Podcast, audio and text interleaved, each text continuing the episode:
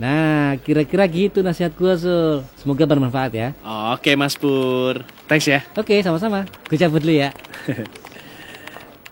Cak, Hmm, kenapa? Mas Pur bukannya kemarin habis dimarahin bos ya karena ada salah input data. Eh, nggak boleh gibah. Kenapa sih nanya-nanya? Ya nggak apa-apa, cuma heran aja gua. Beliau ngasih-ngasih nasehat ke gua. Kayak udah bener aja kerjaannya. Sul, lu harusnya tuh bersyukur masih ada yang mau ngasih nasihat. Berarti orang itu peduli dan pengen lu jadi lebih baik. Iya sih, tapi benerin diri dulu dong sebelum ngasih nasihat. Iya nggak sih? Sul, manusia itu emang tempatnya dosa. Kalau nunggu bersih dulu dari dosa, ya nggak akan ada orang yang bisa ngasih nasihat. Ih, bener juga lo, Cak. Kalau gitu gue mau kasih nasihat nih buat lo. Gak baik nih roti dianggurin gini, sebaiknya buat gua ya. ya, Aduh, oke oke. Sul, Sul. Itu nggak sekalian tuh teh manisnya.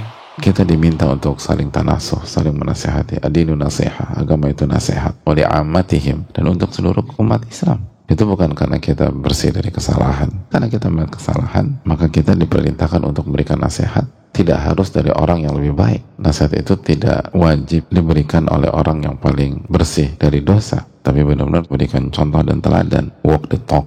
Jadi itu ditanamkan dulu. Narasi ini bukan narasi kosong, bukan lip service. Kalau itu dimulai, maka ruh dari tanasuh atau saling memberikan nasihat itu hidup.